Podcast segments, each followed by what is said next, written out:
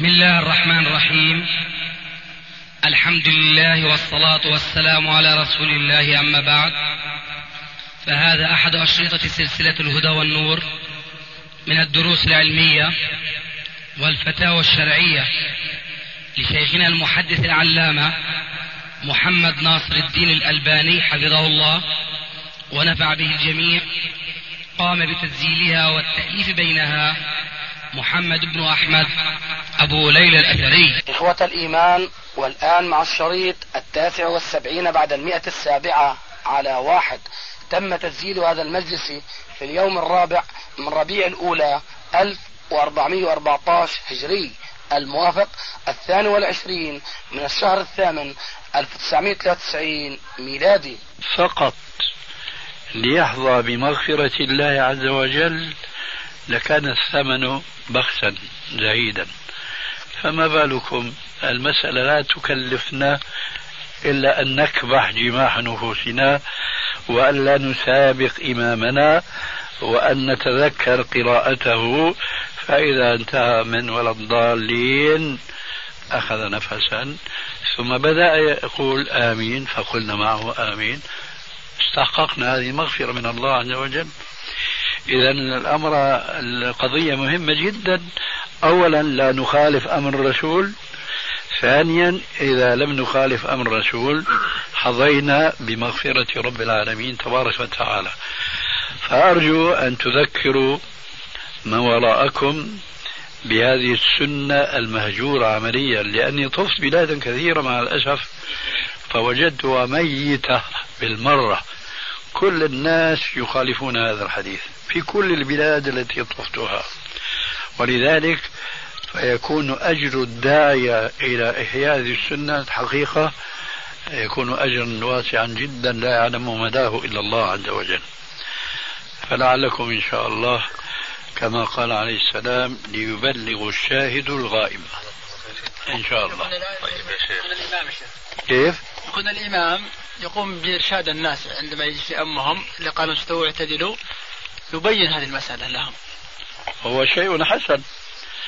وهذا يذكرني أنني في بعض رحلاتي إلى الحج أو العمرة لا أذكر الآن بالضبط كنت أنزل عند صديق لنا في تبوك لعل أحدكم يعرفه غالب الحضرمي ما تعرفونه.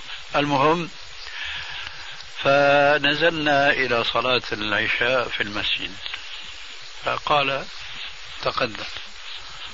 فامتنعت أول أمر قال يا شيخ تفضل يعني يريدين الناس إنه يسمعوا قراءتك يشوفوا صلاتك إلى آخره.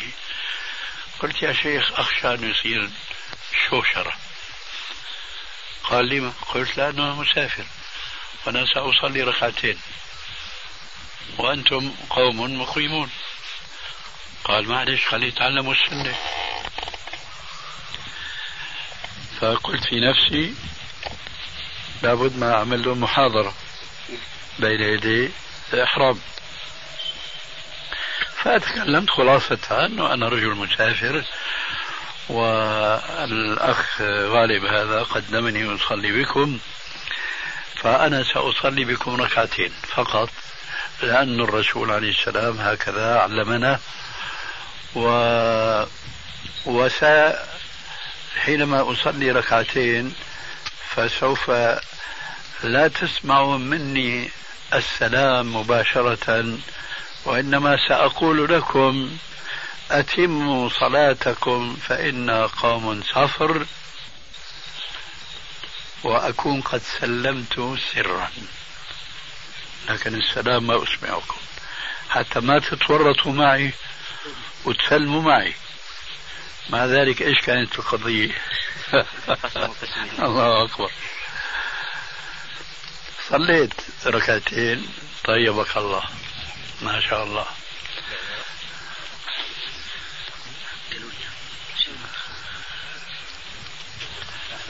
قلت أتموا صلاتكم فإنا قوم سفر. ناس قاموا وناس سلموا. وبدأت الشوشرة والخلاف والآخرين. وناس انتقدوا أخونا غالب. وليه يا أخي أنت قدمت لنا هذا الرجل؟ وصار بقى ملاسنة مكالمة وإلى آخره لكن الحمد لله خرجنا بنتيجة أننا أكدنا عليهم السنة. مع هذا التنبيه؟ ما أفاد شيئا. لماذا؟ لأن الناس أتباع عادات. وليسوا أتباع السنة؟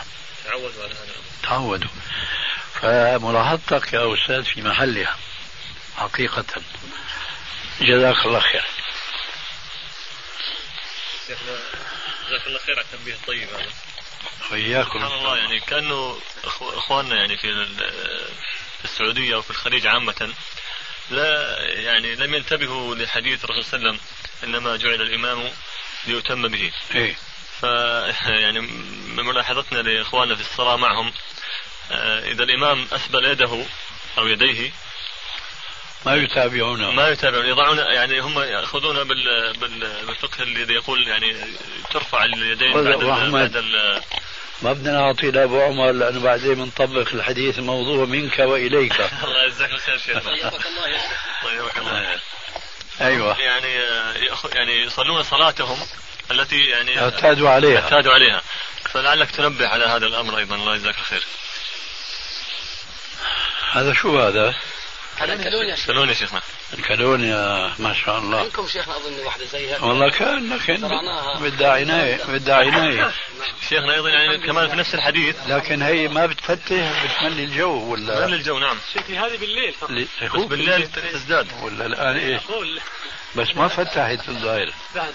ما آه تبارك الله أحسن سبحان الله شيخنا. نعم. تتمة للمسألة أيوه. آه يعني لعلك توضح لنا الحديث انما إنما جعل الإمام ليؤتم به.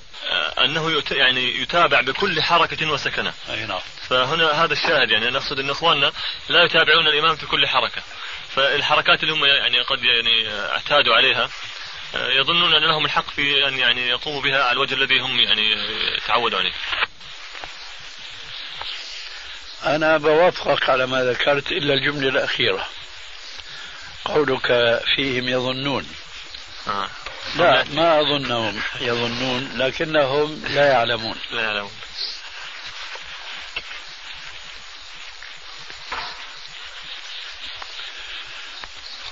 فأيهما أخف عليكم أن نقول فيكم تظنون أم لا تعلمون؟ وعندنا علم آخر عندنا لا لا معلش لا تحيد. كفينا بسياسة واحدة. مضيت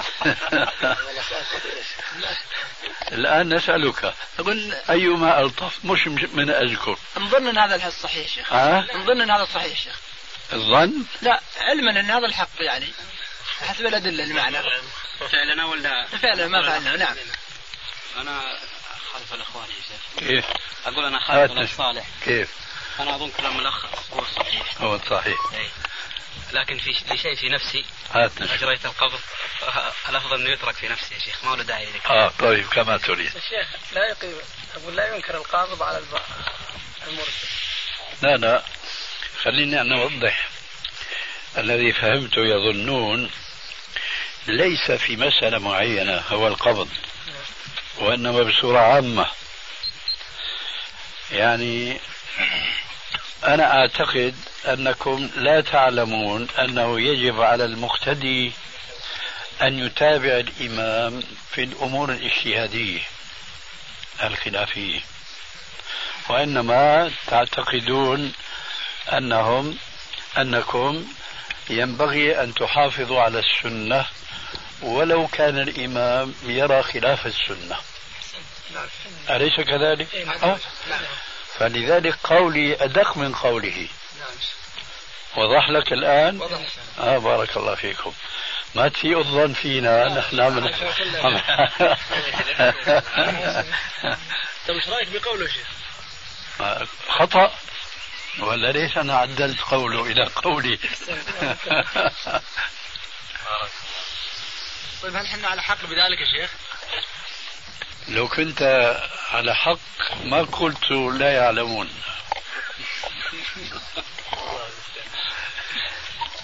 طيب ماذا تقول في قوله عليه السلام؟ إنما جعل الإمام ليؤتم به.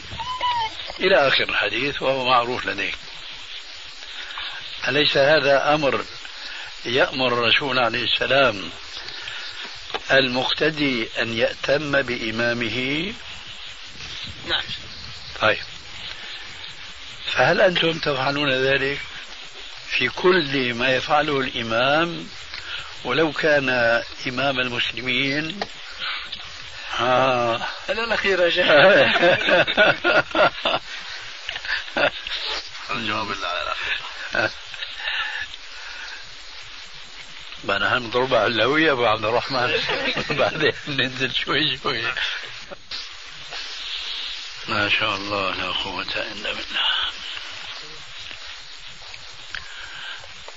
آه ماذا عندكم؟ ذكرت يا شيخ آنفا أن الإمام إذا قرأ الفاتحة وانتهى أنكم تسكت حتى ينتهي. كيف؟ إذا قرأ الفاتحة. أي وانتهى.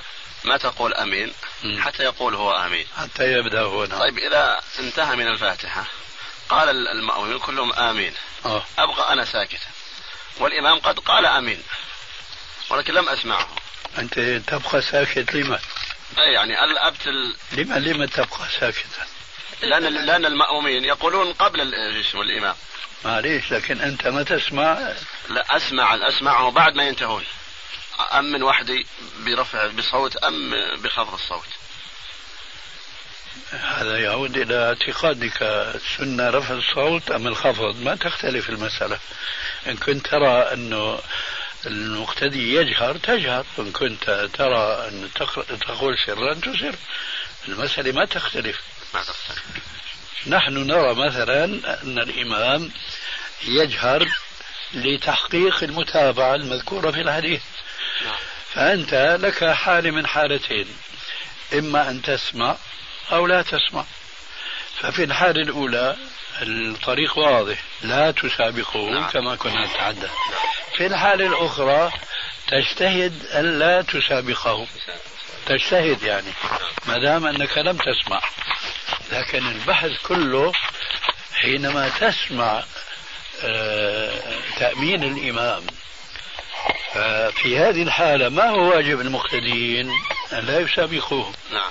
يعني أنت جئت الآن بفرع. هذا الفرع أولا لا يخدج على الأصل. وثانيا لكل سؤال جوابه. لكن إيش رأيك هي كمان حيدة حلوة؟ هذول اخواننا السعوديين. طيب. طيب يا شيخ صلاة صلاة الاستراحة. أي واحدة ثانية. إذا كان الإمام جلسة الاستراحة إذا كان الإمام ما يجلسها هل يجلسها المأموم؟ لا. لازم يتابع الإمام. على مذهبكم يجلس على مذهبنا لا.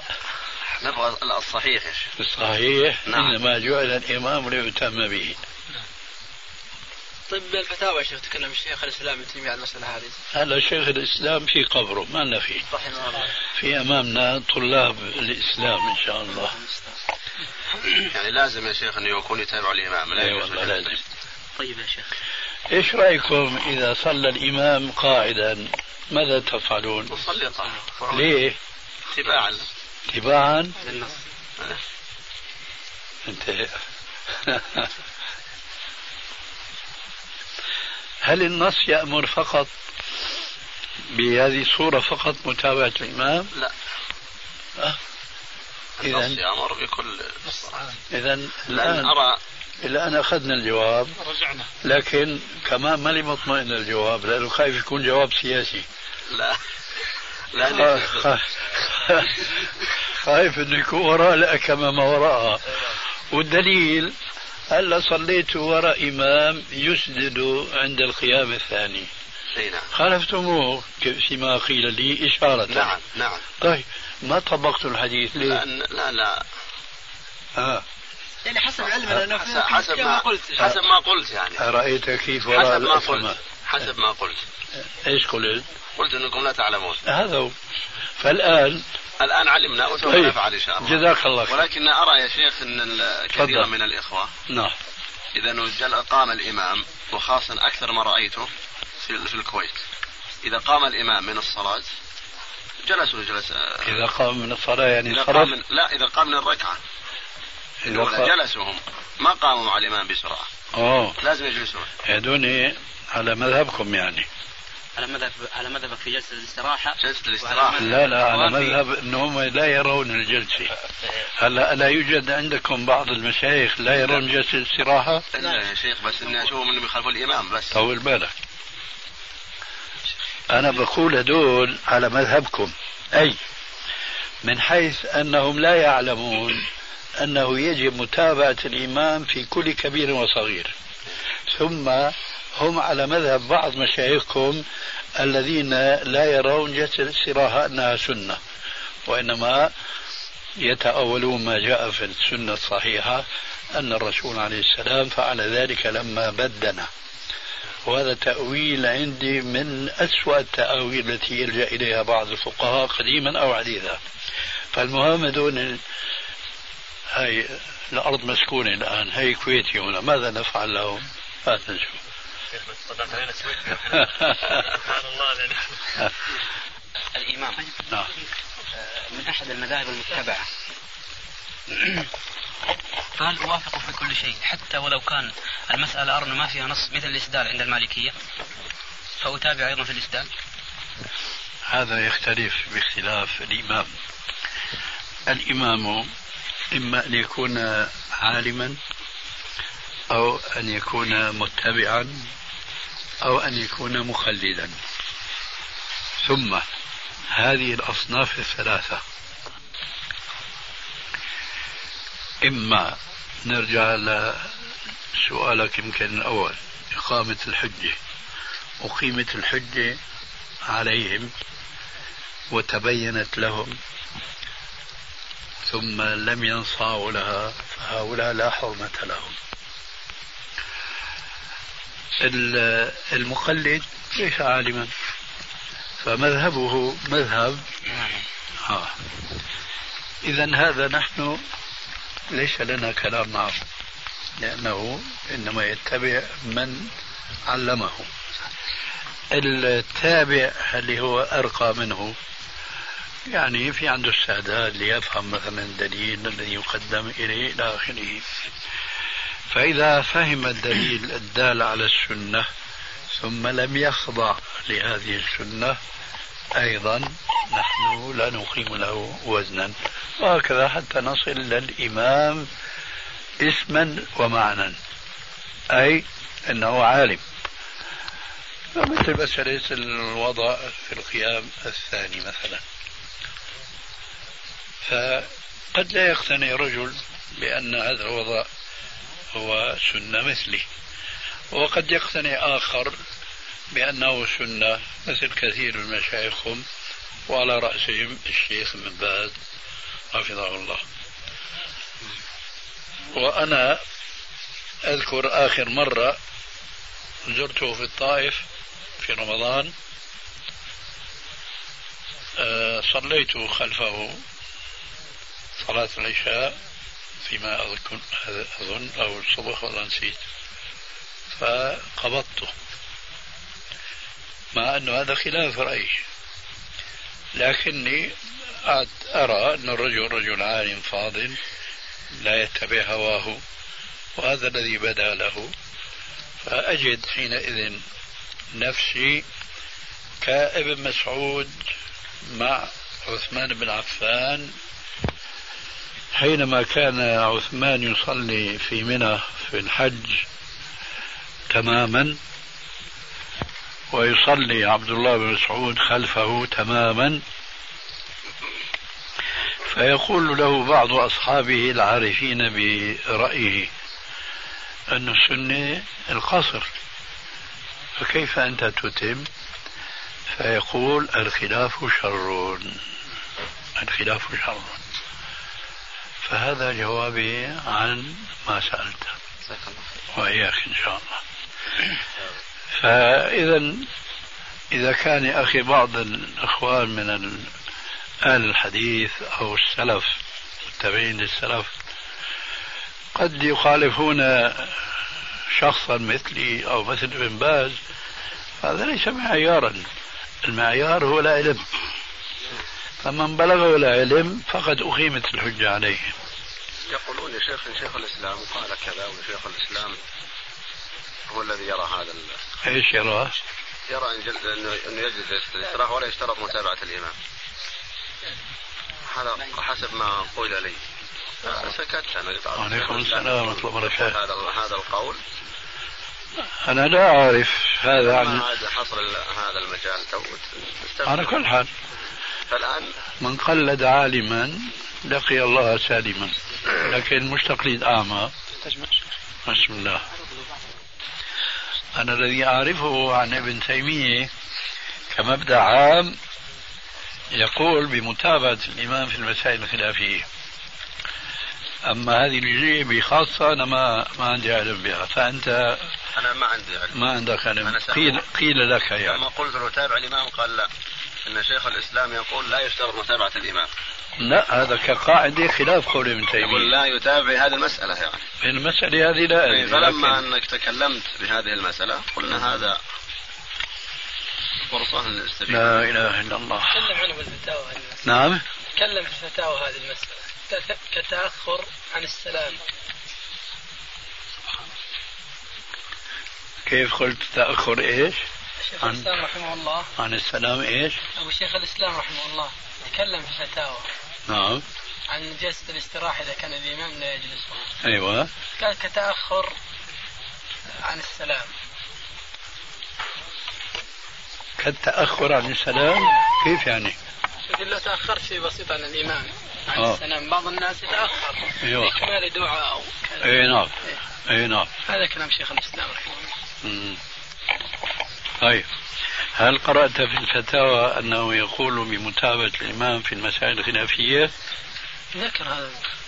كيف التوفيق بين الأصل والفرع؟ قدم الأصل على الفرع. قدم الأصل على الفرع. هذا هو. ثم ينبغي على طلاب العلم أن يلاحظوا شيئا.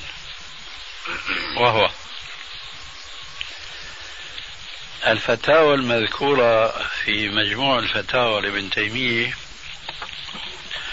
لا شك تستحضر معي تماما حقيقة زمنية لكن ما تجعلون حقيقة قائمة ذهنية.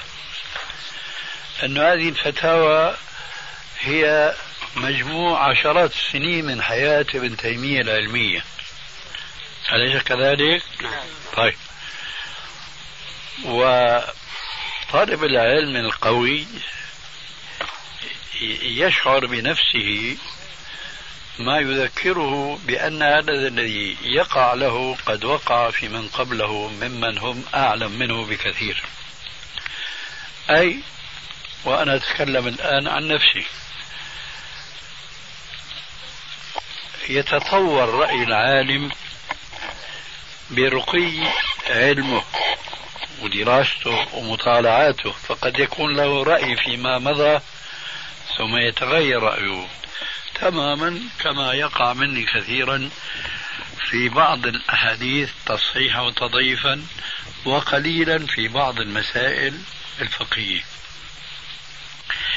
المسألة التي كنا فيها آنفا جهر المقتدي بآمين. كنت رجحت قديما منذ نحو عشرين سنة الإصرار ثم بدا لي أخيرا منذ بضع سنين أن المقتدين يجهرون مع الإمام. فالإنسان يتطور لا يثبت على رأي. من هنا كان الإمام الشافعي مذهبان مذهب قديم مذهب جديد. من هنا كان لأبي حنيفة بل لإمام السنة الإمام أحمد عديد من الأقوال في المسألة الواحدة. هذا لا يعني أنه متناقض كما يزعم بعض الجهلة وإنما يعني أنه يترقى في العلم ويتقدم في العلم ثم لا يخجل من الناس أن يقول والله كان الشيخ يقول هيك صار بيقول هيك هذا إذا جاهل. لا يخجل لأنه يعرف أن اتباع الحق هو الأحق. فابن تيمية في فتاواه ليس مستنكرا أبدا أن تجد فيها قولين متناقضين فضلا أن تجد قولين متقاربين لكنهما مختلفان وهكذا. ما أدري إذا كنتم قرأتم فتوى له بجواب عن سؤال التوسل بالرسول عليه السلام وأنه يجوز قرأتم هذه الفتوى؟ قرأتها نعم موجودة نعم موجودة في الفتاوى موجودة في الفتاوى لكن في كتاب ثاني هذا يناقض قاعدة جليلة التوسل في ابن شيخ. تيمية في له كتاب جديد بعد كذلك طبع على مخطوطات رد هذا الشيء. وما إلا قاعدة جليلة موجودة في نفس الفتاوى. نعم. هاي. فأنا قصدي يقول أنه هذا كان رأيا له فيما مضى. أول نشأته العلمية. فلا نقول إذا مجرد ما ذكر في فتاوى ابن تيمية أنه هذا رأيه. ممكن يكون هذا رأيه ومات عليه وممكن يكون رأيه قديما ثم حاد عنه إلى غيره وهكذا. هذا يفيدنا جدا في معرفة الراجح من المرجوح من أقوال الأئمة. فأنا أذكر جيدا أن في فتاوى يقول وهذا لم أره لغيره أن المقتدي عليه أن يتابع الإمام فيما اختلف فيه العلماء. هذه الجزئية ما وقع نظري عليها فإن صح النقل كما قيل آنفا فهذا يمكن أن يكون قبل أن يقعد تلك القاعدة وقبل أن يضع ذلك الأصل فهو الأصل أن يقول أنه يأتي بالسنة. كما أنتم يعني وكما كل الناس هكذا. الأصل أنه يثبت على السنة. فإذا ما تبين له أن هذا الأصل ينبغي الخروج عنه كما فعل ابن مسعود مع إمامه عثمان بن عفان رضي الله عنه حينئذ بيتغير الرأي في الفرع تبعا للأصل. أقول يا شيخ اتباع ابن مسعود لعثمان نعم. رضي الله عنه. ورد في في نص في نص في, في نص الأثر أنه قال الخلاف شر في متابعته لعثمان. هل يؤخذ من هذا يا شيخ؟ انه الإنسان إذا اعتقد أن الأمر سنة هذا الفعل سنة وقد يصدر خلاف سواء بين إخوانه أو المجتمع الذي هو فيه. يترك هذه السنة من أجل توقع هذا الخلاف؟ إذا أردت جوابا موجزا نعم.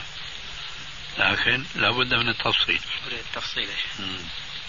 ولا توصي حريص. جزاك الله خير.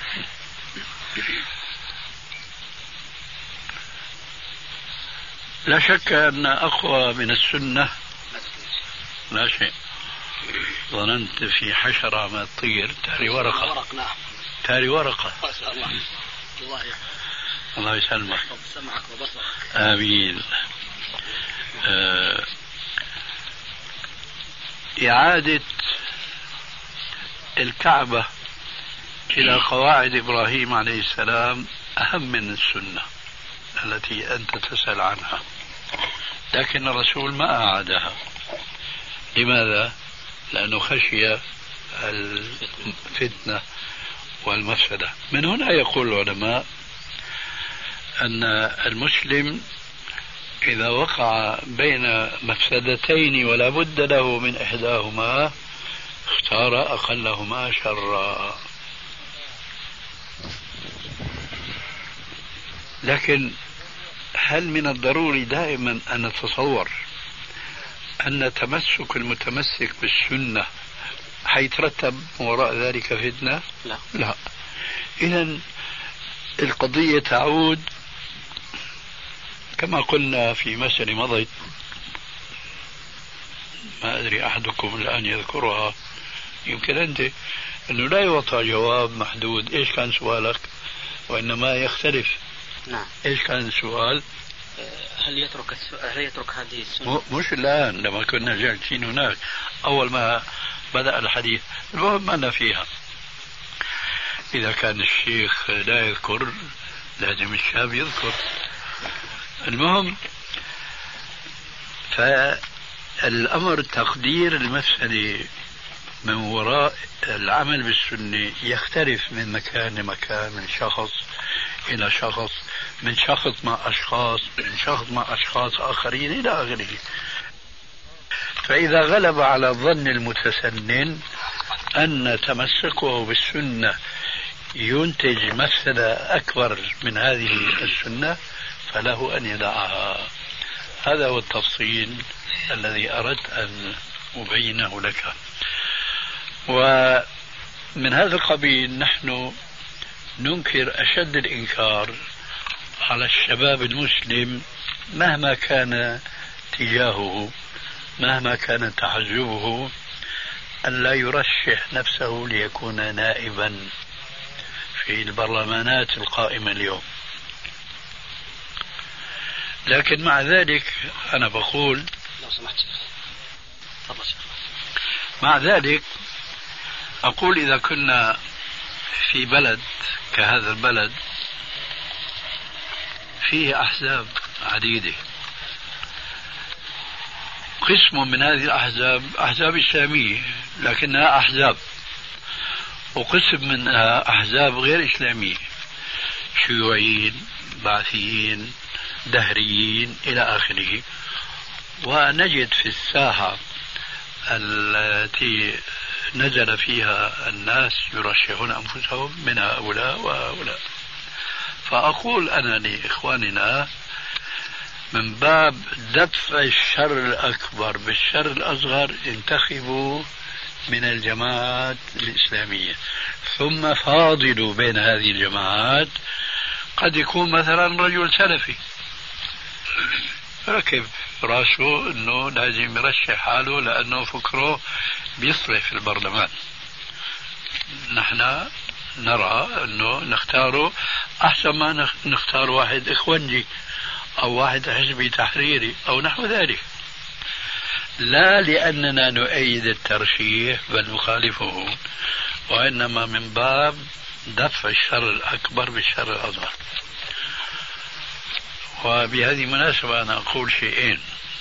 الشيء الأول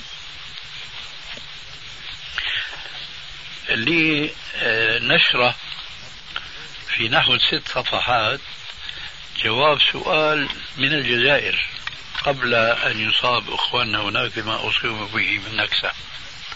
حول الانتخابات وصلتكم؟ كويس. فأظن تجدون خلاصة هذا الكلام هناك مفصلة هذا الشيء الأول. الشيء الثاني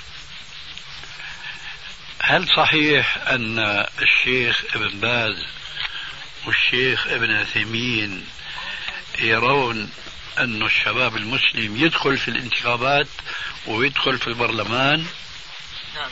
نعم. نعم نعم يفتون بذلك يفتون بذلك. الشيخ محمد بن عثيمين والشيخ عبد بن باز أما الشيخ محمد بن عثيمين يقول واجب على الشاب المسلم إذا رأى في مثلا إنه بينكر منكر أو بيخفف شيء من المفاسد على الأمة الإسلامية في هذه البرلمانات أيوة. عليه الدخول في هذا؟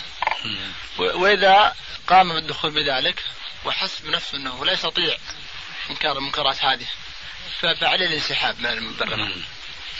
طيب لو يعني فتوى مسجلة بشريط ولا كتابه ولا مسجلة ومكتوبه يا شيخ. مكتوب؟ اي مكتوب ومسجل كله مكتوب في أي رسالة؟ أدلة الاستجابة لأنصار السنة. الأخوان الكويتيين أتوا إلى آه، البلاد هناك. قاموا باستفتاء الشيخ محمد بن عثيمين والشيخ ابن باز. لأنه أنا بلغني هذا ولذلك حبيت أتأكد من باب أهل مكة أدرى بشعابها طيب إيش إيش هذا أيضا وراءه؟ إيه بمناسبة الشيخ ابن عثيمين هل صحيح أنه آه، منع النقاب؟ هذا في الحرم يا شيخ. في الحرم؟ إي نعم كيف يعني في الحرم؟ التنقب النقاب اللي يظهر العيون يا شيخ ولا النقاب الكتاب. واحد يتكلم. حتى أفهم جيدا. ما جعل الله لرجل من قلبين في جوفه. ما فهمت هذا. ما مقصودك في النقاب يا شيخ. أوه هذا سائل ومسؤول لا يا شيخ لأن النقاب أنا رجل ألباني وانت رجل عربي. النقاب عندنا يا شيخ. آه ما هو النقاب؟ أنت تتنقب المرأة مثلا تغطي الوجه وتظهر بالعينين اي هذا هو النقاب. نعم يا شيخ يقول نعم. طيب هذا مشروع ولا غير مشروع؟ مشروع يا شيخ. طيب. هذا اخراج العين الواحدة. لكن لكن بقول إنه بلغنا أنه أنكر هذا. وأنت صدقت هذا البلاغ. ولكنك قيدته بقيد ما بلغنا وهو قلت النقاب إيش؟ الحرم الحرم إيش الفرق؟ بين نقاب الرياض ونقاب الدمام ونقاب الحرم إيش الفرق؟ لا يا شيخ لأن السؤال هذا جاء في الحرم عندما كان الشيخ في الحرم ألقي عليه هذا السؤال في نساء أثناء وجودها في الحرم تتنقب وتغطي الفم فقط وتظهر العينين فصار فيه من المفاتن الشيخ الله يهديك والنقاب يظهر العينين ما لك أنت؟ آه ولا يظهر العينين والخدين كذلك مع إيه وسعتها لا النقاب الموجود الآن. أما النقاب السابق فكما قال الشيخ إنه مظهر إحدى العينين فقط. تعرف يا شيخ العيون أسهم.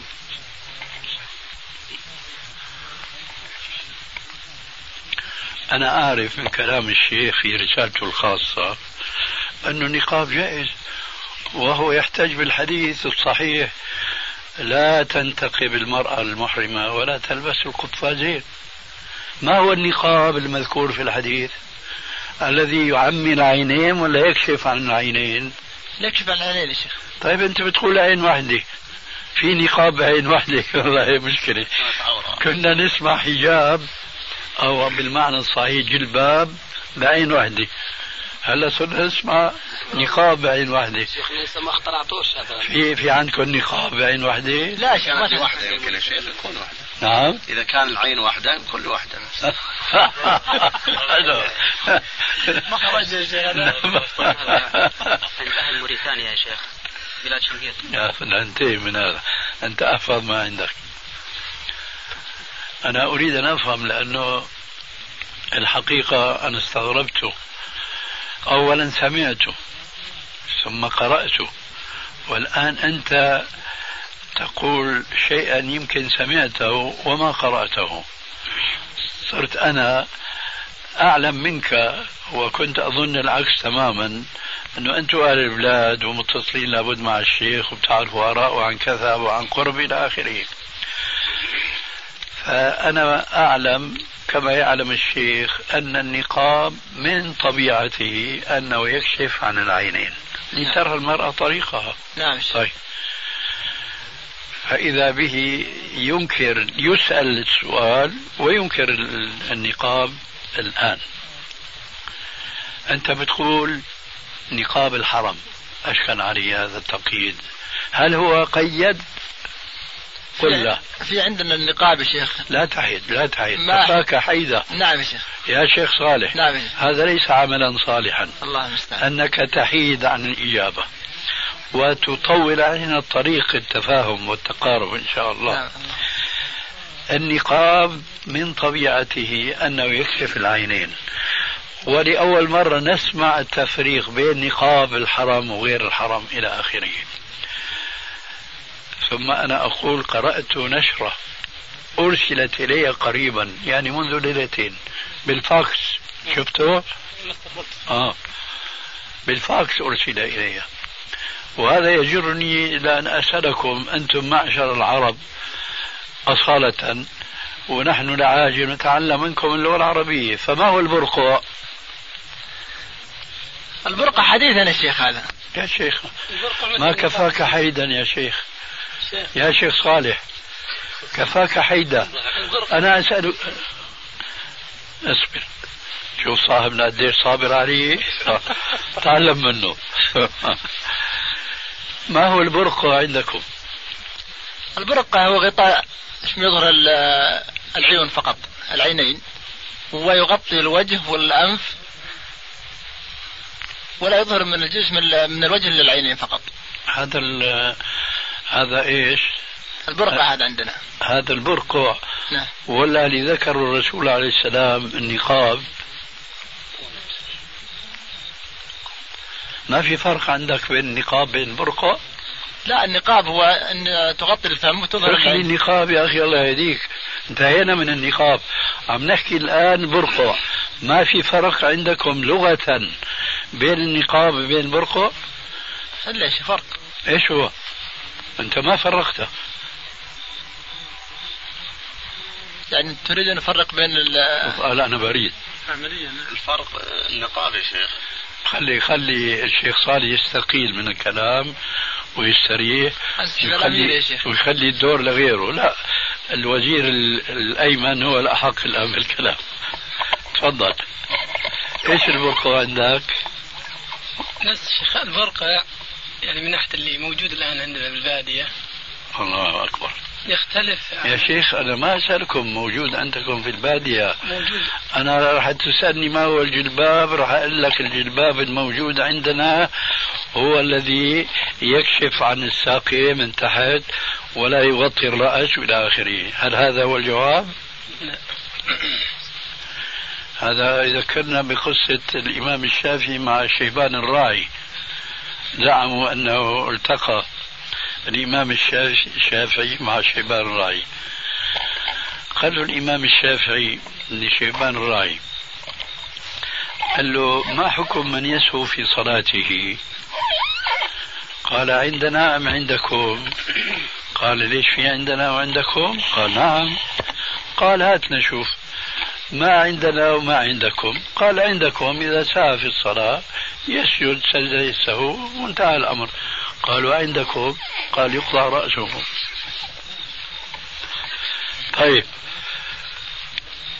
ومتى يجب على الغني ما الذي يجب على الغني في زكاة في ماله؟ قال عندنا أم عندكم؟ قال كمان في هذه عندنا وعندكم؟ قال نعم. قال ما عندكم فيخرج بمية اثنين ونص قال عندكم؟ قال يخرج عن كل ماله. فأنتم عم تذكرون في عندنا وفي عندكم. يا أخي ما بدي عندنا عندكم. بحث لغوي محض. رجل أعجمي يريد أن يتعلم من الأهل اللغة العربية أصالة. ما هو البرقع؟ وهل هناك خلاف بين البرقع وبين النقاب لغة أم لا؟ لا شيخ واحد. ما هناك شيء لغة. هو البرقع هو النقاب. النقاب هو الذي في في النص. أما البرقع ولا أخذته العامة. بتسجلها حيدة ولا لا؟ شو العامة؟ شو بدنا بالعامة هلا نحن؟ هذا هو هذا هو البرقع اللي, اللي ولا ما يعملون النقاب. طيب. سؤال ثاني البرقع خاص بالإنسان ولا يتعدى الإنسان إلى الحيوان؟ نعم يتعدى شيخ.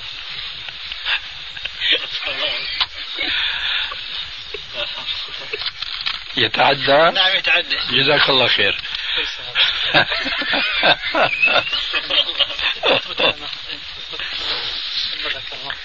فما هو البرقع بالنسبة للحيوان؟ هذا ألبسوه الخيل في القادسية هذا هو الجواب العربي لا حول ولا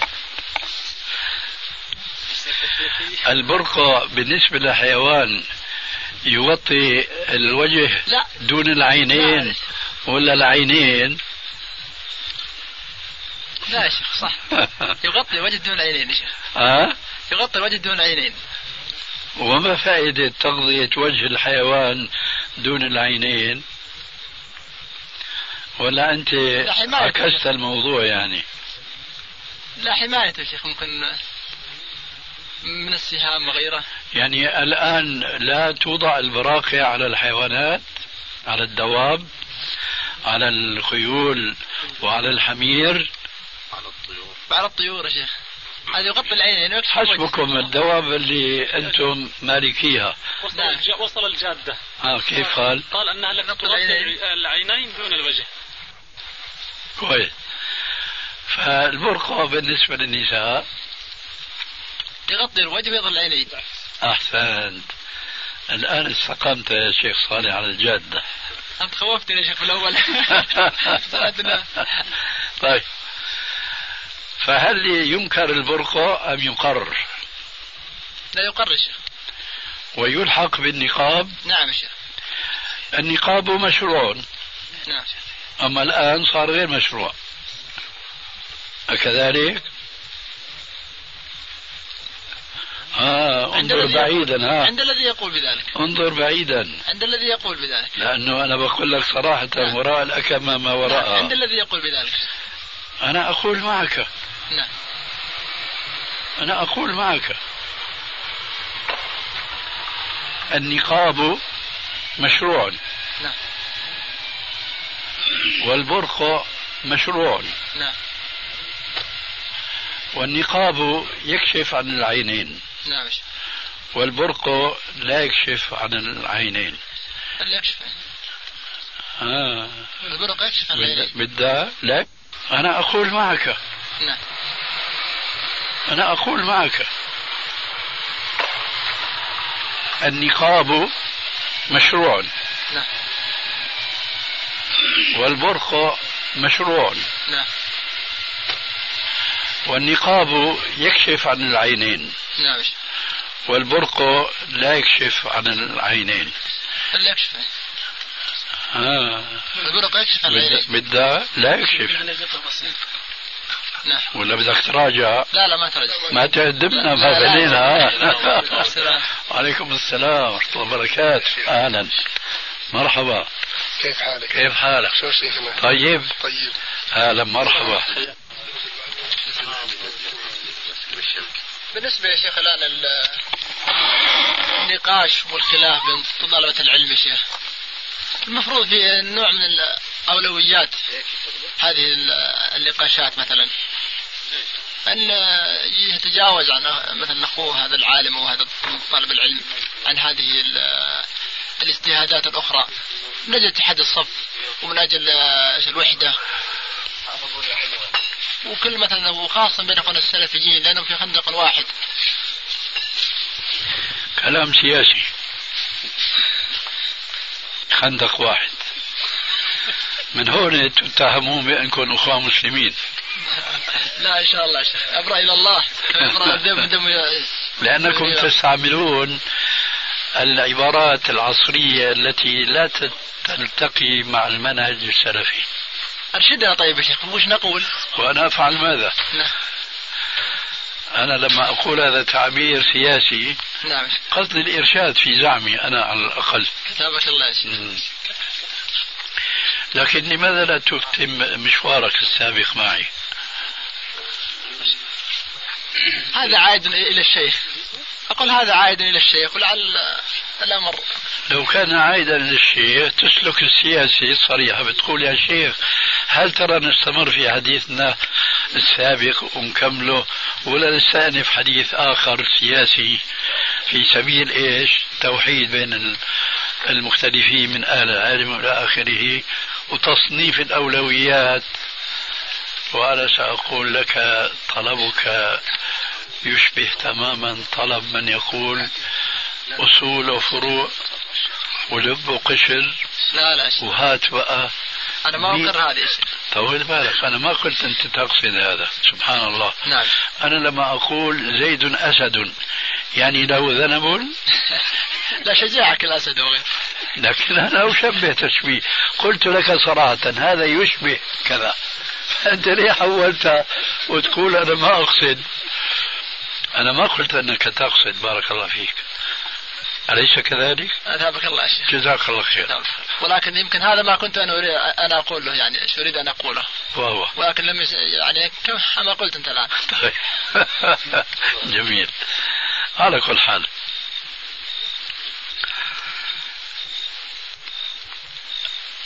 أنا كنت أتمنى أن ألتقي مع المشايخ عندكم. أولا لمعالجة المشكلة القائمة الآن بين صفين مختلفين من السلفيين. وثانيا لنتداول البحث في بعض المسائل التي يريد مثل الشيخ صالح أنه يؤجل البحث فيها. وأنا أخالفه تماما لأن هذا التأجيل هو الذي يدفع إليه دفعا إنما هو أنك تتصور أن المناقشة في مسألة خلافية توغر الصدور وتثير النفوس. أي نفوس هذه هي التي تحدثنا عنها في أول الجلسة أما نفوس أهل العلم وأهل الفضل والتقوى والصلاح هم بهذه المناقشة يتقرب بعضهم إلى بعض. فأنا كنت أتمنى أن ألتقي مع ابن عثيمين وأفهم منه وجهة نظره بوضوح في هذه المسألة. التي قرأتها مطبوعة وموقع بتوقيعه. وما أظن أنه هذا مزور عليه. لا شيء. آه. فهو أولا ينكر البرقع اليوم يقول ينكر البرقع وينكر آه، قبل ذلك النقاب. وأنا أفهم بلغة الأعجمية أن البرقع هو الذي يغطي الوجه. وعلى هذا نحن جرينا مع نسائنا وبناتنا في سوريا وغير سوريا. يعني بيسموه المنديل. تعرفونه؟ هذا اسمه برقع. فإذا هو يقرن البرقع مع إيش؟ مع النقاب في الإنكار. إذا هو ماذا يريد؟ أنا أعرفه مع الشيخ التويجري في تحمس. لقولهم بأن وجه المرأة عورة وأنه لا يجوز لها إلا بالكاد أن تبدي عينا واحدة كما أنت قلت آنفا. طيب كيف الآن انقلب الوضع؟ فهو ليس ينكر فقط النقاب بل والبرقع وأنا أعرف أن البرقع هو خير من النقاب هو يستر العينين. اللي تحت. بيقولوا إيش؟ الخناجر تحت إيش؟ السهام تحت اللحم. آه. في عبارة هيك نسيتها يقولون إنه يعني العيون تحارب فعلا محاربة معنوية كما قال ذلك الشاعر العربي القديم. لا تحارب بناظريك فؤادي فضعيفان يغلبان قويا.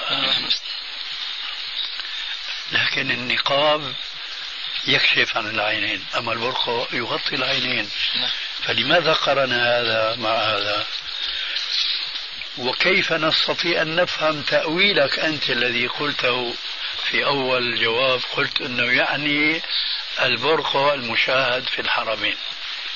طيب عفوا النقاب المشاهد في الحرمين. طيب والبرقع إذا أنا أفهم الآن يرحمك الله. أفهم الآن شيء جديد لكن كنت أتمنى أن الشيخ ابن عثيمين يوضح المقصود من كلمة النقاب ويرحمك الله. وكلمة البرقع ويقول أنا أعني بالنقاب ليس النقاب الذي يكشف عن العينين فقط ولا أعني بالبرقع الذي يستر الوجه كله. حتى الناس ما يفهموا عليه خلاف قصده. صحيح. كنت أتمنى أنه ألتقي معه هذا اللقاء حتى نستوضح منه. وجاء السؤال في المجلس الأول هناك. لما قال إنه بيجوز التبديع إنه فلان يقول التمثيل جائز وآخر يقول لا التمثيل بدعة. وأظن قال الأخ إنه الشيخ ابن عثيمين يقول بجواز التمثيل. شروط.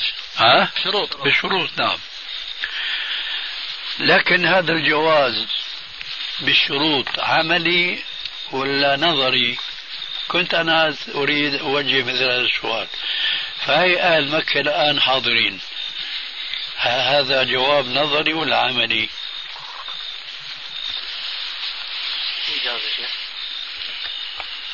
نسمع صالحا. فإذا كان ما عنده جواب نسمع من غيره. والله الشيخ هذا حسب الجواب الشيخ لهذا المسألة. فجواب يكون كفاك حيدة يا صالح. غير عملي كفاك حيدة. يكون غير عملي. جزاك الله نعم. خير. لماذا نجيب بأجوبة غير عملية؟ لأن الذين يطبقون هذه الفتوى يا شيخ يعني الأخوة اللي يمثلون ولا يطبقون هذه الفتوى الشروط التي اشترط فيها. وأصلا هل التمثيل من من منهج النبي صلى الله عليه وسلم وأصحابه في الدعوة. أنت, أنت مع القائل بجواز التمثيل بالشروط لا لا. أنا في التمثيل عموما. هذا حجة يعني على لأن هذا ليس من هدي النبي صلى الله عليه وسلم. نعم. لكن ولعل الشيخ له بذلك وجهة نظر شيخ. إيه، لذلك كنت أريد أن أسأله. نعم. طبعا له وجهة نظر.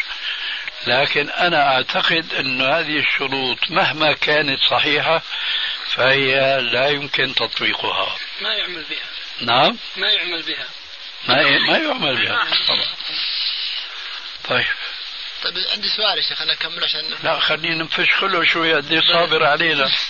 الله يجزيه الخير. شو في عندك يا أخي. ولا صار نسيا منسيا أوقف ها؟ بدي أسألك بعض أسئلة الشيخ وبعدين بنسجلها إن شاء الله. أولا نريد أن الحزب وما هو المقصود بكلمة حزب؟ وما هو التحزب البغيض والتحزب المباح؟ الحزب المباح هو الحزب الواحد المسلم الذي يحكم الكتاب والسنة في كل ما اختلف فيه الناس.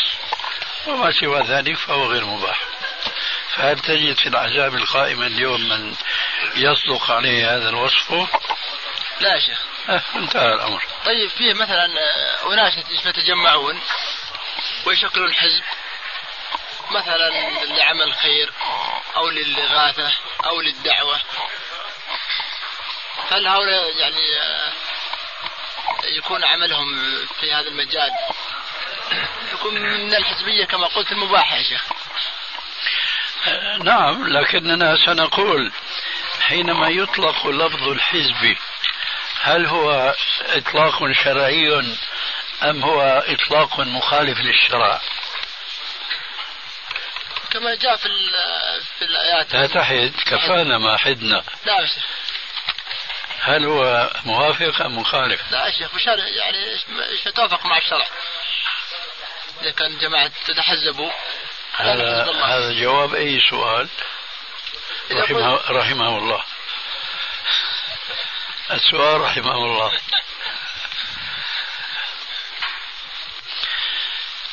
كلمة الحزب. نعم. إذا أطلق شرعا ما هو المراد فيه؟ ألا إن حزب الله هم الغالبون. نعم. المراد المتمسكين بالكتاب والسنة. نعم. طيب. لكن الآن حينما يطلق حزب ماذا يراد؟ الأحزاب السياسية هذه. طيب. فلماذا المسلم آه يعني يحشر نفسه ويلقب نفسه باسم آه، يوهم الآخرين بأنه لا يصدق عليه هذا الاسم في الاصطلاح الحاضر وله مخلص منه باستعمال جماعة أو لجنة أو جمعية أو ما شابه ذلك مما ليس فيه الإيهام المخالف للشرع. وهذا هو الواقع نعم. فما أدري لماذا أنت تتوسع الآن في الموضوع لا يا شيخ ها. أنا أقول مثلا إذا كنت أنا وجماعة من إخوتي نقوم نعم. في العمل مثلا في الإغاثة مثلا يوجد فيه ناس يقول هؤلاء متحزبين وهم كذلك في مجتمعين على منهج واحد على طريقة واحدة أليس منهم حزب؟ طيب وأي حزب ناجح منهم؟ محكم كتاب السنة فهل تجد اليوم حزبا؟ يقال الحزب الفلاني والحزب الفلاني. مع ذلك يقول هو على الكتاب والسنة. لا شيخ ما أقصد الحزب السياسي. أقصد في بعض الأخوة إذا رأوا بعض الإخوان. يا أخي قصدي هؤلاء الأخوة يفهمون هذه الحقيقة. أي نعم. هذا قصدي. لا لا هذا سؤال خارجي ودنا. ودنا الشيخ أبو مالك يشارك الشيخ فيه. تكلمت يا شيخ جزاك الله خير في بداية الجلسة عن قضية التصفية والتربية. نعم. وأن كثير من طلاب العلم أخذوا أخذوا بجانب التصفية وترك جانب التربية. فأنا أود من الشيخ ناصر جزاه الله خير أن يتكلم عن هذا الموضوع بإسهاب ويبين الطرق آه، السليمة في هذا الجانب. الموضوع عندي ما يحتاج إلى إسحاب أو بيان لأن معنى التربية هو العمل بما علم لأن العلم بالنسبة للعمل هو كالمقدمة بالنسبة للنتيجة. ولذلك ربنا عز وجل خاطب نبيه عليه السلام أو خاطب أمة النبي عليه السلام في شخص الرسول عليه السلام حينما قال فاعلم أنه لا إله إلا الله. فالعلم يتقدم العمل ولا بد منه. فالعلم بالنسبة للعمل كما قلت آنفا هو كالوسيلة بالنسبة للغاية وكالمقدمة بالنسبة للنتيجة. فمن علم ولم يعمل فما استفاد من علمه شيئا ومثله عندي كمثل الذي يتوضأ ولا يصلي. يتوضأ ولا يصلي لأنه الوضوء هو وسيلة ومقدمة للصلاة. ولا يجوز للمسلم أن يتقرب إلى الله بوضوء دون صلاة. كذلك لا يتقرب المسلم بعلم دون أن يقرنه بالعمل. ولذلك جاءت النصوص في الشريعة كتابه وسنة تنعى على الذين يعلمون ولا يعملون كمثل قوله تبارك وتعالى يا أيها الذين آمنوا لم تقولون ما لا تفعلون؟ كبر مقتا عند الله أن تقولوا ما لا تفعلون. والأحاديث التي تحض على العمل بالعلم كثيرة وكثيرة جدا. وحسبنا أن نذكر بحديث أبي هريرة رضي الله تعالى عنه الذي أخرجه الإمام مسلم في صحيحه. ألا وهو قوله عليه الصلاة والسلام. أول من تسعر بهم النار يوم القيامة ثلاثة. عالم ومجاهد وغني. يؤتى بالعالم فيقال له أي فلان ماذا فعلت؟ بما علمت؟ فيقول يا ربي نشرته في سبيلك فيقال له كذبت إنما فعلت ليقول الناس فلان عالم وقد قيل خذوا به إلى النار. إلى آخر الحديث. فالقصد هذا العالم يعلم في جملة ما يعلم قول الله عز وجل وما أمروا إلا ليعبدوا الله مخلصين له الدين. فهذا من علمه. لكنه ما أخلص في علمه لله عز وجل ولذلك كان من جملة أولئك الثلاثة الذين تسعر بهم النار يوم القيامة. فلذلك نحن حينما نقول الأصل الإصلاح خاصة في هذا الزمن الذي كثرت فيه الاتجاهات والحزبيات ونحو ذلك حتى من كثير من الجماعات الإسلامية لا سبيل إلى تحقيق الإصلاح إلا بالعلم الصحيح والعمل النافع. العلم الصحيح هو القائم على الكتاب والسنة وعلى منهج السلف الصالح والعمل هو العمل بما علم. وقد جاء في بعض الأحاديث التي لا تصح من حيث إسنادها وإنما معناها صحيح من عمل بما علم ورثه الله علم ما لم يعلم. هذا حديث معروف روايته لكنه ضعيف إسناده ومقبول معناه كما ترون. فلهذا ما يحتاج موضوع التربية إلى كثير من الإسهاب والبيان.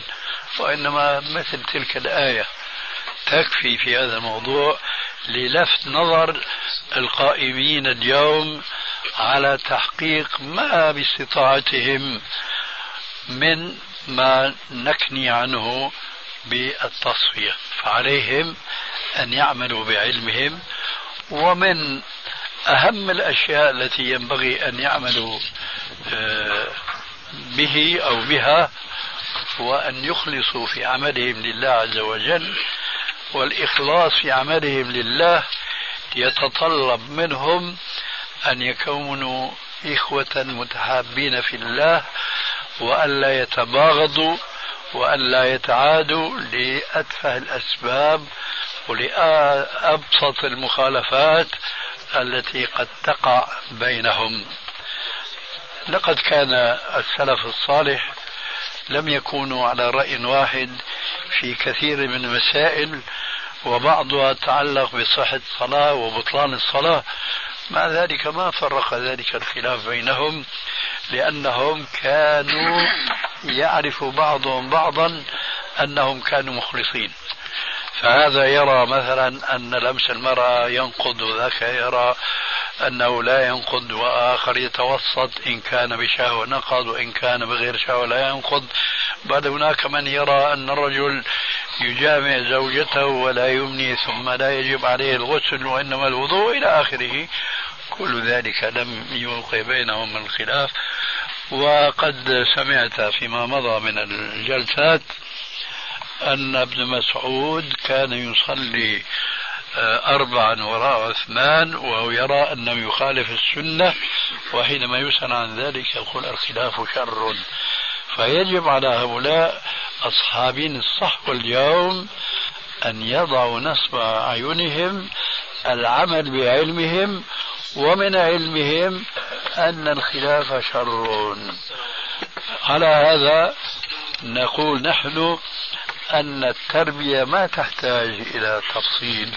وإنما وقل اعملوا فسيرى الله عملكم ورسوله ثم تردون إلى عالم الغيب والشهادة فينبئكم بما كنتم تعملون. وبهذا القدر كفاية لا سيما درس درس ما بيجتمع ها ابو طيب. شو عندك؟ عم يرفع عم يرفع العلم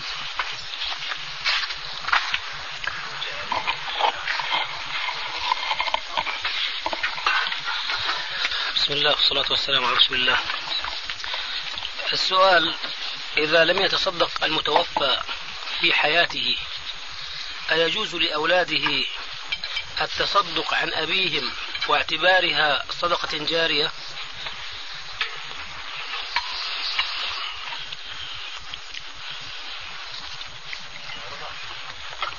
هذا نص السؤال الأول. وأنت تعني حينما تقول هل يجوز هل يجوز لا تعني شيئا آخر؟ عن الجواز يعني واعتبارها من باب الحديث الذي عم تعرف حاله عن كلمة وطأ أعني أو لا أعني؟ بدها محاضرة. يعني ها. سامحك الله وجزاك الله خير. وإياك إن شاء الله. طبعا الجواب يجوز لكن أنا أظن أنه مو هيك سؤال. الجواب يجوز أن يتصدق الولد عن أبيه صدقة جارية أو صدقة غير جارية لكن الجارية أفضل وأنفع. يجوز. يعني الحديث عن النبي صلى الله عليه وسلم إذا مات ابن آدم قطع عمله إلا من ثلاث صدقة جارية فهو هنا يعني باعتبار أنه فعلها بحياته قبل موته. فهل هذه تعتبر أيضا وكأنه فعلها بحياته؟ هذا ما أصبه أو يعني أيوه هذا ما أقصده أيضا. هو هذا. أي نعم. بارك الله فيك. آه قراءة لكن خليني أبين لك شيء. تفضل. تمكينا للجواب. وعليكم السلام ورحمة الله. أولا عندنا قاعدة عامة أن الولد من كسب أبيه.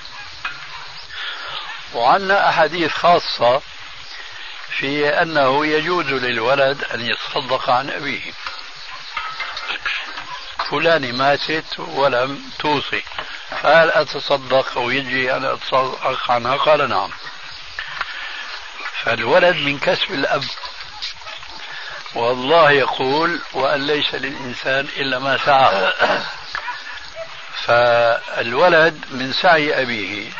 فمهما فعل من أعمال صالحة فهي تسجل له.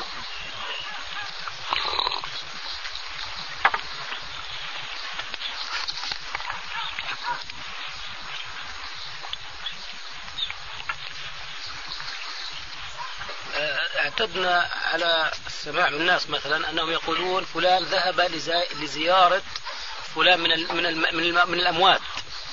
يعني تخصيص الزيارة. هل تجوز هذه تخصيص الزيارة إلى فلان من الناس؟ ماذا تعني بكلمة تخصيص؟ يعني فلان توفي أباه فذهب لزيارة والده فقط يعني على المقبرة مقابر المسلمين طبعا ملأ فيختص يعني يخص هذه الزيارة بزيارة والده المتوفى أنا أعتقد أن هذه زيارة لا يؤجر عليها ويكفيه أن لا يؤجر فيها. لأنه الزيارة التي يؤجر عليها المسلم هي من أجل العبرة والعظة وتذكر الموت والدعاء للموتى أو للميت.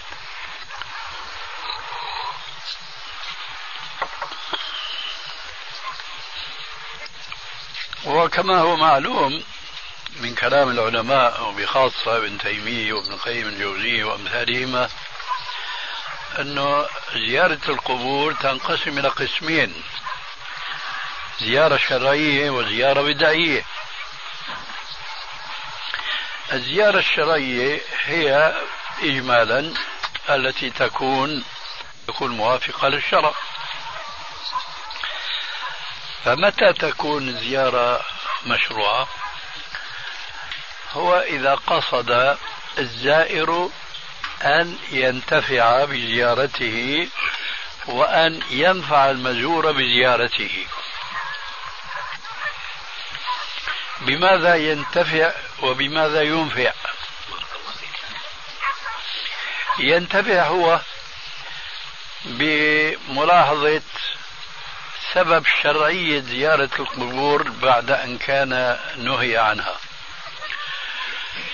في قوله عليه السلام الثابت في صحيح مسلم كنت نهيتكم عن زيارة قبور ألا فزوروها فإنها تذكركم الآخرة.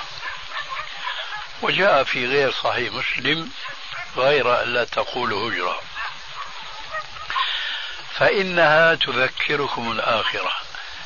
فأي زيارة لا يعود منها الزائر بتذكر الآخرة فهي ليست شرعية. ولو لم يفعل شيئا آخر مخالفا للشرع.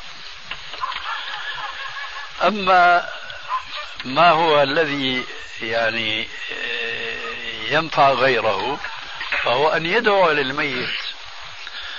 وليس هناك ما يدعو به إلا ما شرع أو بالأهرى سن لنا رسول الله صلى الله عليه وآله وسلم في عديد من الأحاديث الصحيحة منها حديث عائشة ومن حديث بريدة وأمثالهما أن النبي صلى الله عليه وآله وسلم كان إذا زار القبور قال السلام عليكم دار قوم مؤمنين وإنا إن شاء الله بكم لاحقون.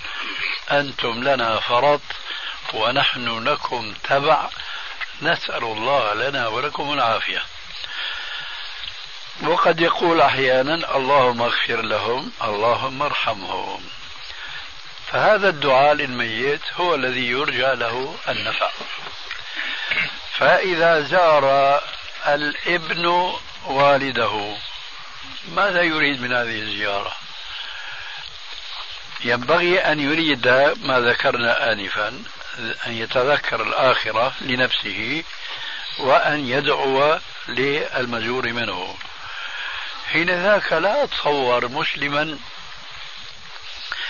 يستحضر هذين المعنيين أحدهما ما يتعلق بالزائر والآخر ما يتعلق بالمزور أنه يخص أباه بالزيارة دون موت المسلمين. هذا لا يتصور. إذا هذا يكون رجلا جاهلا وكما قلت لك في أول الجواب لا يستفيد شيئا من زيارته لأنه لم يذهب للاتعاظ ولا للدعاء. هذا هو نهاية الجواب. الأخ شيخ يكمل أسئلته